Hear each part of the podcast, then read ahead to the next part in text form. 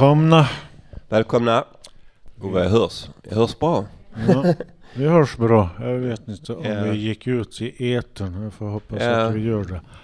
Vad har vi för oss här just nu? Ja, vi sitter här och ska sända radio. är Ja, meningen. Eh, radiofontänen idag torsdag den 3 augusti. Och jag heter Göran och med mig har jag... Paddy. Ja, vad gör vi på fontänhuset Paddy? Ja, vi umgås och vi jobbar och vi jobbar och vi jobbar och vi jobbar. Så umgås Ja. vi igen. Vi har väl en arbetsorienterad dag, en form av Ja. Till psykosocial rehabilitering Precis, för människor som har för folk som har eller har haft psykisk ja, ohälsa. det är väldigt eh, fin verksamhet. En riktig pärla i Ja, Malmömyllan. Så jag har varit medlem själv sedan 1999 och tillhör mediaenheten. Jag vet inte vilken, vilken, uh, vilket år kom hoppar jag in i. När, Ja, det vet jag faktiskt inte. inte jag heller. Nej, men... Men det eh, har i alla fall funnits här sedan 80-talet här i Malmö. Fontänhuset Malmö. ja. Så. Sen finns det väl det stora fontänhuset finns väl i New York, eh, Ja, ursprungliga är fontänhuset. West 47th Street. Men jag, i- jag tänkte på det Göran, eh, hur, eh, hur, hur bildades fontänhuset egentligen? Jag tror det var uh, före detta patienter på mentalsjukhus som ville ha någon plats att gå till. Och de eh, För, för fick, jag, hjäl- fick, hjälp av en läkare. jag fick för mig det Göran, att, eh, att det var sådana som hade PTSD efter Vietnamkriget som Nej, startade. det här var på 40-talet. Oj, jaha. på Ja, då var 40-talet. inte jag påkommen. ja, okej. Vi har ett tema idag. Ja, det ska handla om eh, 80 och 90-tal. Och där är ju jättemycket att ta från där, men jag minns inte någonting nu. Kommer du på något spontant minne från 80-talet? Eh, 80-90-talet? 90-talet, jag var mycket på rave på 90-talet. Ja. eh, Jag såg en hel del konserter. Ja, gjorde jag Bland också. annat Pink Floyd på Earls Court i London med uruppförandet av The Wall. Det var 1980. Där skulle jag vilja varit. Där skulle jag vilja varit. 89 föll eh, muren. Så. Vi har en, eh, våra medarbetare här som Ja, just det. berättar om lite minnen om linser och annat. Så se Hugo. Ja, säg Hugo. Varsågod. Kära vänner, det här är er vän C. Hugo som ska berätta lite grann om sina upplevelser och minnen från 80 och 90-talet. Kära vänner, det här är er vän C. Hugo som ska berätta lite grann om sina upplevelser och minnen från 80 och 90-talet. Det är kul att man alltid tycker att den tid man lever i just då, eller nu, är modern. Du har ingenting att relatera till så allt nytt känns verkligen som framtiden. Jag minns när den bärbara CD-spelaren kom 1986. Jag bodde i Stockholm och jobbade som väktare på Securitas så jag hade bra betalt. Min far hade även bra betalt som disponent. Så jag fick kontaktlinser redan 1976. 1981 kom den första linsen som korrigerade brytningsfel så nu såg jag för första gången perfekt. Men då linser var väldigt dyra så bytade man bara dem en gång om året. Därför fick man rengöra dem med tabletter som tog bort protein från linserna. Man kokade även behållaren varje natt för att bli av med bakterier på linserna. Telefon var jättedyrt. Hade man tonårsdöttrar så fick man en chock varje gång telefonräkningen kom. Det var lättare att leva och lättare att dö på 80-talet. Att gå till tandläkaren var rena skräckfilmen. På 80-talen hade man inte musarm. Man hade heller inte titthålskirurgi eller använde laser för att sy fast näthinnan. På 80-talet när man köpte godis var det 10 bitar i en påse. Inte ett kilo som nu. Malmö var mindre och mysigare. Och för oss som hade psykisk ohälsa var det en utmaning. Antidepressiva på 80 och 90-talet hade många biverkningar. Så jag fick jogga istället flera mil och var på Friskis och Svettis fem dagar i veckan då jag var rädd för biverkningarna. Det bästa med 80 och 90-talet var även när Malmö var mindre. Om du jobbade kvällar så var det knappt något folk på stan på dagen. Till exempel järnvägsstationen var inte större än dagens Pressbyrå är på dagens central. 1989 slutade det kalla kriget och kommunismen i Östeuropa och därför blev det mycket lättare att resa. Det var inte lika mycket säkerhet eftersom det fanns inte så mycket terrorism. Men efter 9-11 förändrades allt. Den svenska valutan var mycket bättre och starkare på 80 och 90-talet. På 80-talet var en dollar 5,50. Nu är den 11 kronor. Jag köpte min första bärbara Mac-dator med färg för 28 000. Jag ringde hem mina artiklar. 1984 skickade jag min artikel från London Film Festival med post. Det fanns resecheckar och alla gillade kontanter. Du kände Stefan som sålde LP-skivor på Record Store. Du betalade 250 kronor för en muffins och kaffe. Rökte du inte på 80-talet fick du vara utomhus då alla rökte inomhus. Nu får du vara utomhus om du röker. Det som hände på en fest fick du berätta om eftersom ingen kunde videofilma. Valspråket ”det som händer i Vegas stannar i Vegas” gäller inte längre. När vi löser ett problem uppfinner vi ett annat. Ha en trevlig vecka!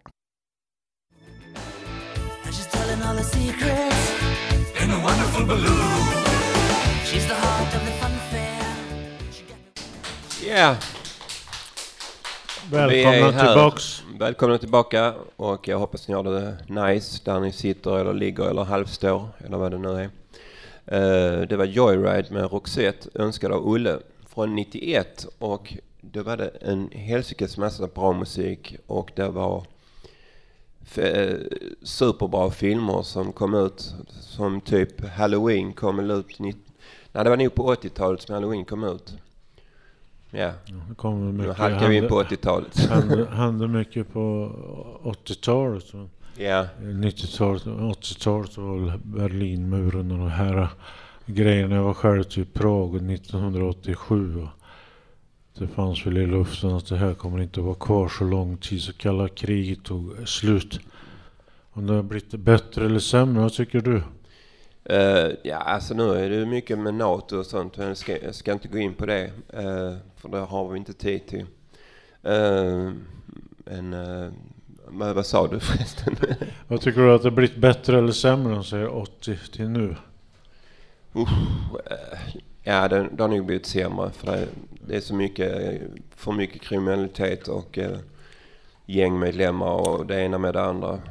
Dålig ja. musik och massa sånt. Ja. Det har blivit mycket polarisering och annat yeah. dumt. Så. Ja, ja, men då kommer vi in på lite om vad vi gjorde på 80-90-talet och du nämnde film där förut. Ja, det fanns eh, på 80-talet tror jag det var Halloween kom. Det var det väl, Bo? Jag vet inte. Eh, Halloween och fredag den 13 kom ut 1980 Sen har vi då Nightmare on Elm Street som var också jäkligt bra. Jag har sett en del av dem där men inte lika eh, kunnig på skräckfilm som eh, du är. Nej, det, det, är, det är skönt och när, när, när det ser så farligt ut i världen att sätta sig och titta på en skräckfilm. Vi kommer in här på en berättelse om hur det var inlagd på sjukhuset och var omedveten om samhället som ja. många i vår... Varsågod Bo. Mm. Fråga Bo.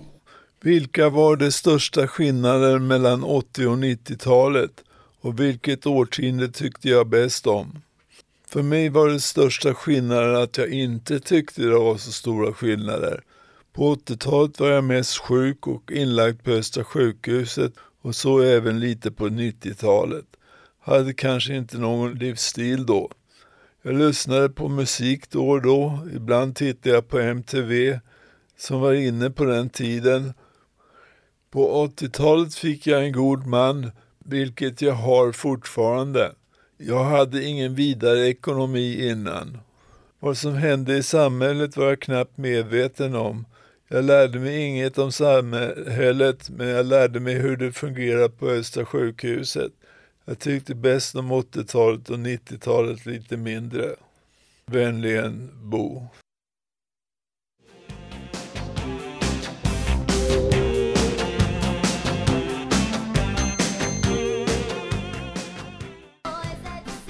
Ja, vår, eh, en av våra kära handledare rockar loss ordentligt som heter Kristoffer. Eh, Nej, ja visst. Den ni hörde Eh. musik var Madonna med Material Girl Och det önskad är- av Bo. Ja, från 84. Och Material Girl går ut på att har du inga pengar får du ingen flicka. Ungefär så. Jag Eh, tänkte på det här med pengar och det här med eh, alltså, kalla krigets avslut och såna här grejer. Men sen och sen blir det mer och mer att allting kommer att handla om pengar.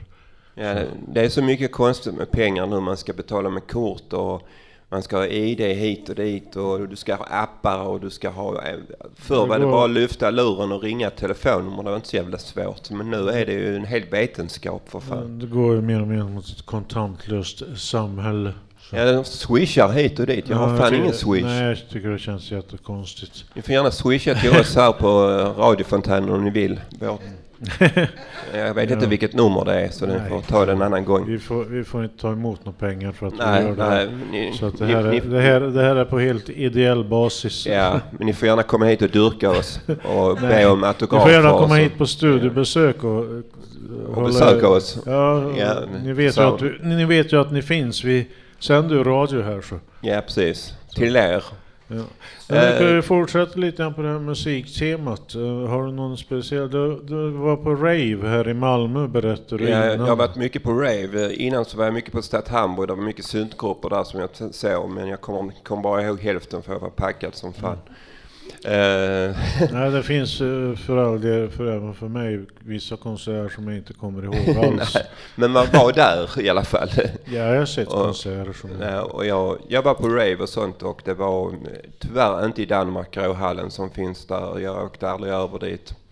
Men eh, det var mycket rave i hamnen och på olika spännande avskilda platser. Mm. Och nu, nu, nu blir jag kapsejad här. Okej, vi ska ta ett... eh, Men eh, en vi ska av pra- våra Ja. utmärkta medarbetare här, Eva, göra någonting om musiken på 80 och 90-talet. ja, kört. ABBA var som hetast på 70 och 80-talet. Dancing Queen, Ring Ring Ring, Waterloo i Brighton, de vann Melodifestivalen.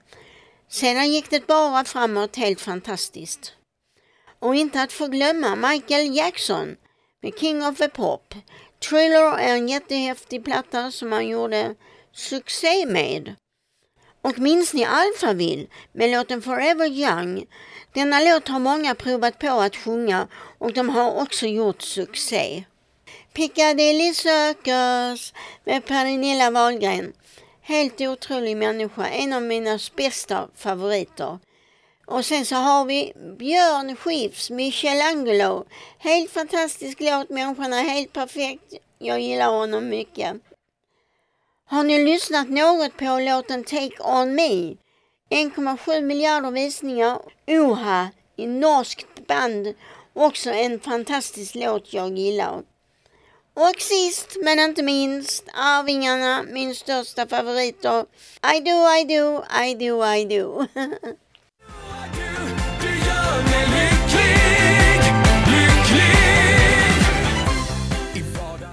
Du Ah, vilken underbar publik vi har Göran. Ja, Eh, st- eh. Malmöfestivalen, eh, stoppa upp den. Eh, vi- eh, Tystnad och Ja, vi- vi Tyskland. Ja, det var Arvingarna var för med låten I do. Jag kommer ihåg, Du vi hade, ett, vi, hade, ja. vi hade ett dansställe norr om Hagfors. Det var en tre mil norr om Hagfors. Och en gång var jag, jag åkte dit i varje fall och sista dansen skulle det vara. Jag var inte speciellt förtjust i dansbandsmusik så jag började på fingra på kontakterna till instrumenten där, så att eh, sången rök, basen rök, trummorna eh, de eh, lät. Eh, gitarren rök och till sist säger sångaren där det är någon som har dragit ur kontakterna så de fick ta om låten från start. Så det var lite bus från min sida på 80-talet. Så. ja, du har en liten buse i dig Göran. Nej. Jo, lite. Lite. Lite. Stora Nej. händelser kom vi in på. Ja, jag skulle bara säga det att vi, skulle, vi hade en stuga i Hör och vi körde bil, jag och min syster och min mor och min styvfar och de satte på Rödluvan. Min syrra ville bara höra Rödluvan, Rödluvan, Rödluvan. Och jag blev trött på Rödluvan så det, det enda man fick välja mellan var Rödluvan, Rödluvan eller Thorleifs.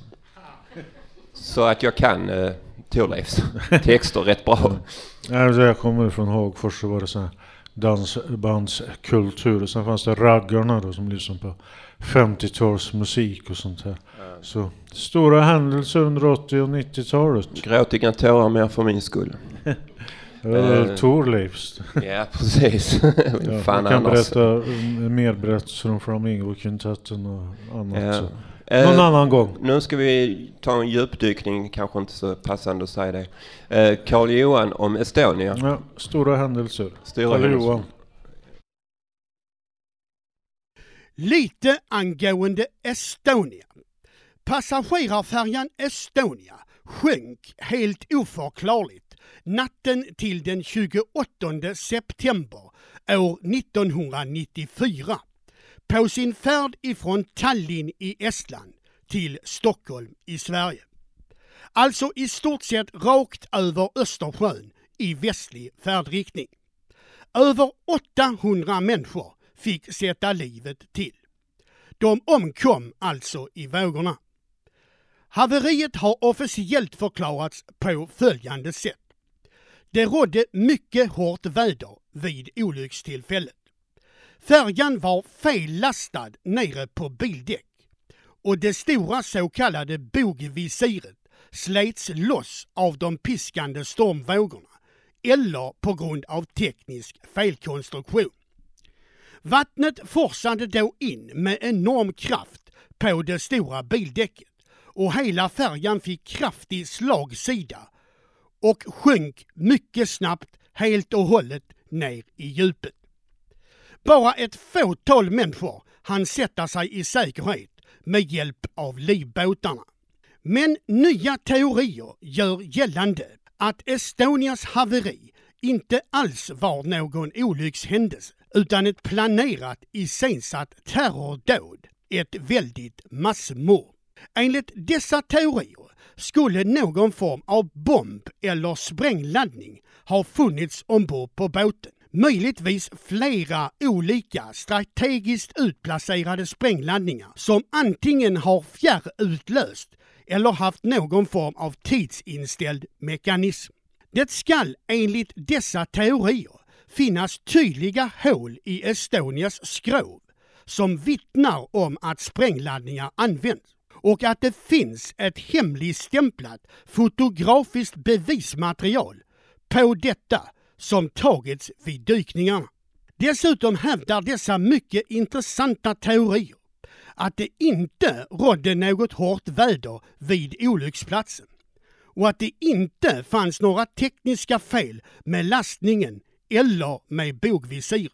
Estonia sjönk till följd av ett gigantiskt sprängdåd som var medvetet och systematiskt, skoningslöst och hänsynslöst genomfört. De ansvariga ville att hundratals människor skulle mördas och sedan skulle man dölja det hela genom att skylla på en tragisk fartygsolycka.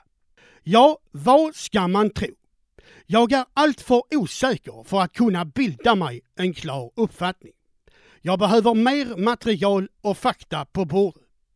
Men visst är det förfärliga, skrämmande och mörka teorier som lagts fram i ljuset. Helt klart är att den svenska regeringen med den nytillträdde socialdemokratiska statsministern Ingvar Carlsson i spetsen redan månaderna efter själva haveriet gjorde allt för att mörklägga och tysta ned hela ärendet. Olika teorier om vad som inträffat och varför det inträffade undersöktes aldrig och följdes aldrig någonsin upp. Man hade från början bestämt sig för att det hela var en ytterst beklaglig olycka till följd av att vatten forsat in i fartyget. Det skyddande bogvisiret hade slitits loss i det dåliga vädret med höga vågor och vindar av stormstyrka. Alla andra förklaringsmodeller ansågs som absurda, vettlösa och helt omöjliga. Men var det verkligen så? Var de så ologiska och vettlösa. Estonia låg på så kallat svenskt territorialvatten. Beslutet om vad som skulle hända med fartyget låg alltså helt i svenska händer. Anhöriga fick aldrig några riktiga svar om vad som egentligen hände den där förfärliga höstnatten. Dessutom beslöt den svenska regeringen mycket hastigt att någon bärgning inte skulle ske utan att färjan Estonia skulle förbli nere i Östersjöns djup. Försökte man genom detta beslut dölja något som absolut inte fick komma ut? Jag vet inte med någon säkerhet. Men det kan mycket väl vara på det vis. Ja, Estonia verkar vara på väg att bli exakt samma kaotiska soppa som Palmemordet. Kanske får vi aldrig några ordentliga svar värda namnet i detta ärende heller.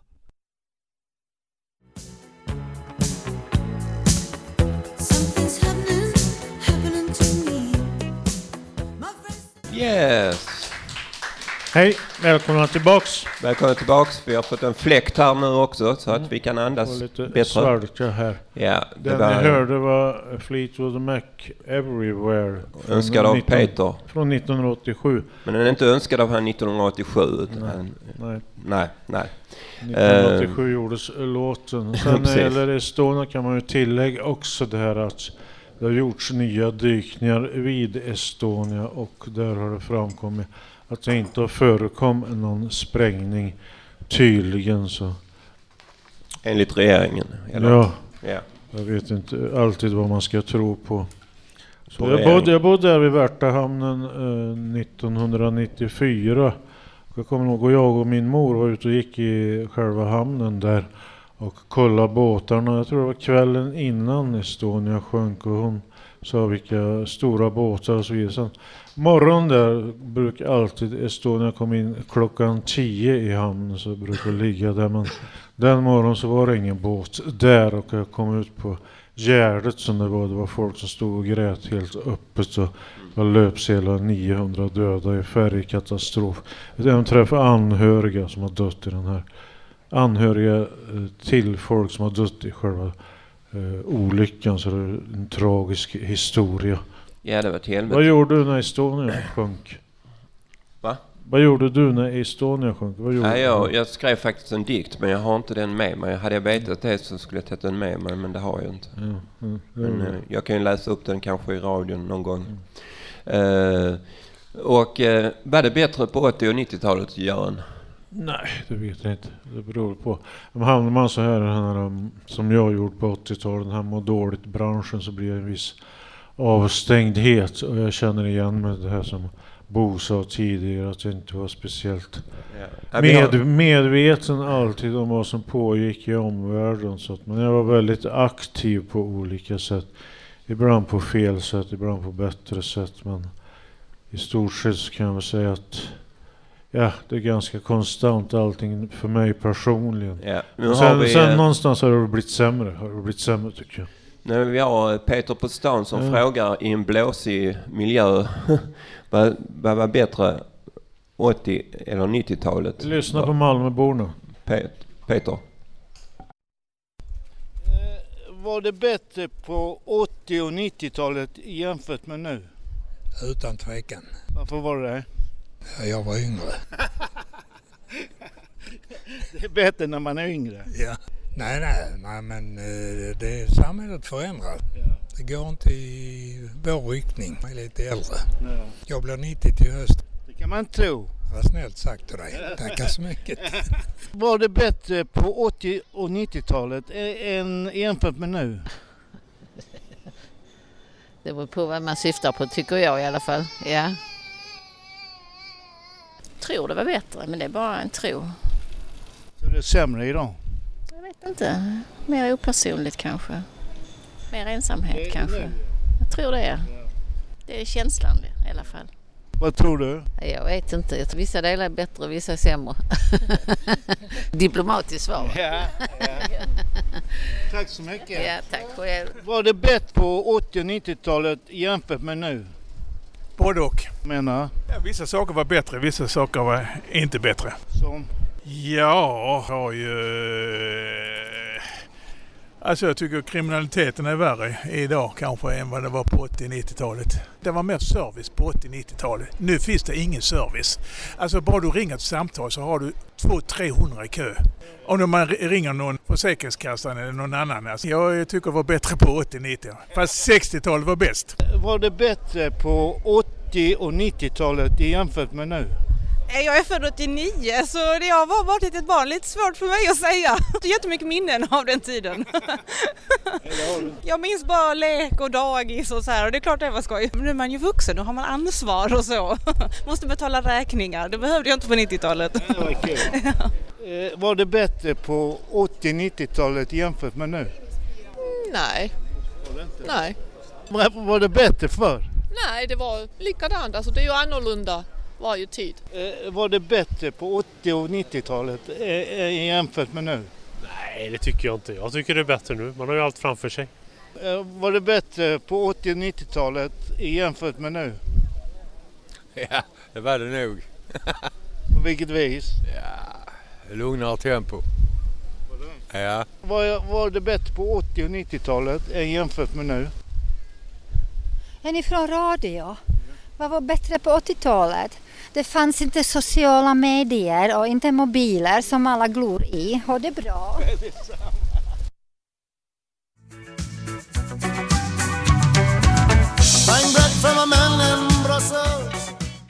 Yes! Måste säga vi har en underbar, underbar publik som jag, jag har saknat er länge allihopa. Uh, Göran, gillar du att vara Down Under? Alltså Down- gillar du låten Down Under? Jag har faktiskt aldrig hört den förut. Nej, okej. Så att, eh, jag är lite trög när det gäller att ta till mig musik. Jag måste lyssna flera Ja, du, gånger. du kan en jävla massa. Om och om igen. Eh, men det var Down Under med Men at Work önskad av Kallin. Vi kommer in Alltså, på eh, sen eh, successivt där någon form av resa. Har du rest någonting? Eh, nej, jag har varit i Danmark. det är typ, jag, jag, jag, jag var i Norge för när jag var rätt liten. Det, det är typ det jag har. Ja. Men har du sett Malmö har du sett världen. Ja, jag vet Mm, det. ja, jag har är varit och rest en gång i Kina. En gång så åkte jag ut eh, fyra månader helt ensam. Så jag kom till sist i Egypten och under Ramadan i Kairo. så att det var lite speciellt. Jag blev inbjuden till moskéer. Det var en speciell stämning. Så att jag har inget ja, emot specifikt. Så att Var det det var en rätt intressant resa. Jag var i Skottland och Hur var det? Var det en Italien. trevlig upp, upplevelse att komma in där och så? Ja, det var speciellt faktiskt. Det var speciellt, okej. Det var en eh, väldigt, eh, väldigt eh, fridfull känsla tycker jag. Jag vet det, här var, det här var 1988. Så Jag vet inte vad jag skulle, om jag skulle få resa så skulle jag resa till Kanada, Vancouver. Ja.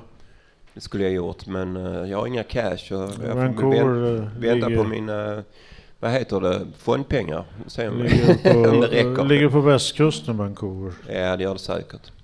Uh, jo, sen har, nu ska vi över till min domän. Martins syntetiska resa, varsågod.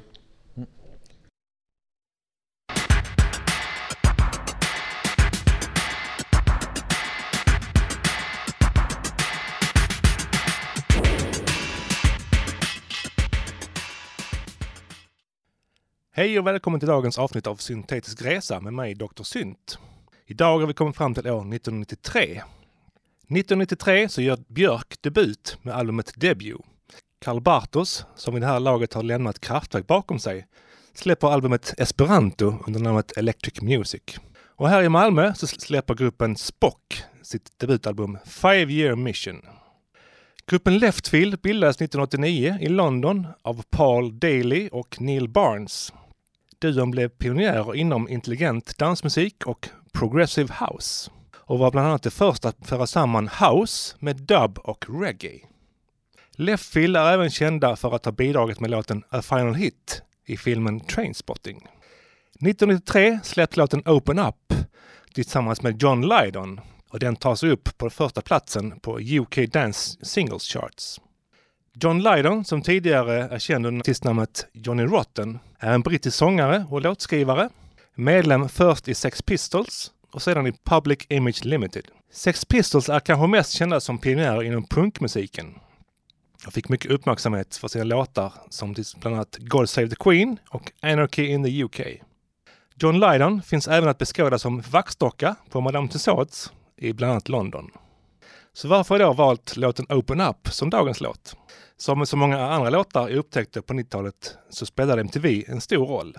Jag spenderade många timmar framför TVn i jakt på nästa stora musikhändelse. Open Up är en riktigt tung technohit som på något sätt får John Lydons röst att smälta in helt perfekt. Strax får vi veta om även ni, kära lyssnare, håller med. Så varsågoda och njut av Open Up med Leffil och Lydon. På återhörande.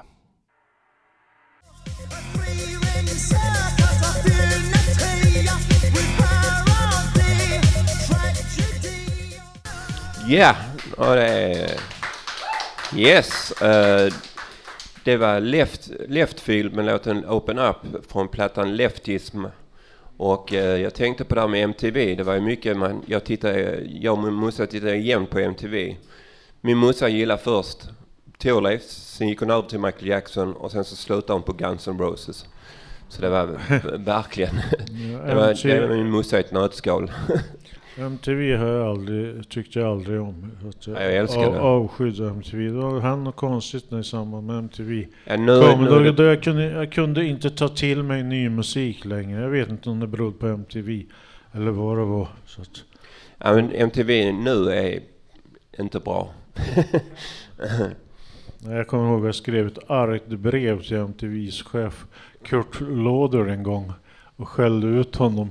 Nej, Göran! Fy skäms på dig. Nej, men då, då, jag var lite stridslysten då. Det här var på 90-talet. Så att Ja, då- då förstår jag precis vad du menar. Jag listade upp sida upp och sida ner på bra grupper och bra band. Och sen, eh, ja.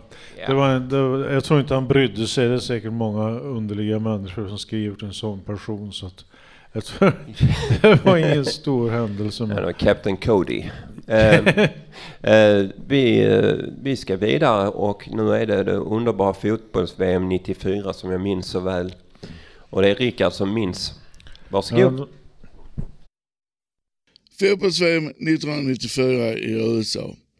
Sommaren 94 var det mycket fint väder. Det var både varmt dag och natt, tropisk värme. Sveriges fotbollslag visade sig vara det bästa på länge med spelare som Martin Dahlin, Jonas Tern, Stefan Schwarz, Claes Ingesson, Kenneth Andersson, Thomas Brolin och inte att förglömma Thomas Ravelli i mål. Henke Larsson fick sitt stora genombrott i bronsmatchen mot Bulgarien.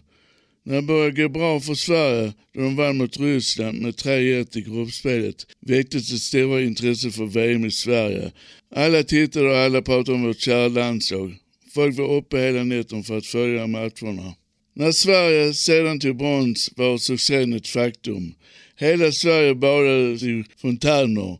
När hjältarna skulle resa hem möttes jag av tre Viggen som eskorterade dem hem till Arlanda. Sen är resten historia.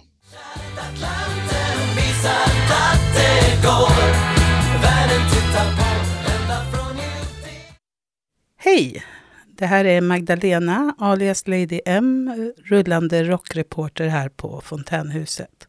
Som rullande rockreporter sedan 2019 här på Fontänhuset så vill jag här idag meddela att efter en riktig fet rocksommar och eftersom detta handlar om 80 och 90-tal så vill jag bara meddela att till The Golden Age Festival i Belgien kommer Fontänhuset att vara närvarande.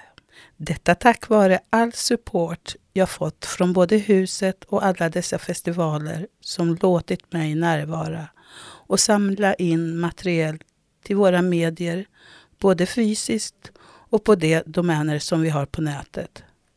Men framför allt till mitt pågående projekt Musik som medicin när man lider av psykisk ohälsa. Den 30 september och 1 oktober drar GARF, en förkortning av Golden Age Rock Festival, igång i Belgien. Och det blir en hyllning till gamla godingar som Ten Years After, Tease och för er som minns gruppen Geordi. Geordis spelning är ett unikt tillfälle att once in a lifetime få höra dem live. Bandet återuppstår enkom för detta tillfälle. Jag kommer dessutom närvara som mamarazzi-fotograf till den kanadensiska gruppen TIS då jag ska följa dem i nästan en hel vecka runt om i Belgien. Jag räknar redan ner i sekunder så ni förstår att jag har det lite småjobbigt. Men som de säger, tålamod är en dygd.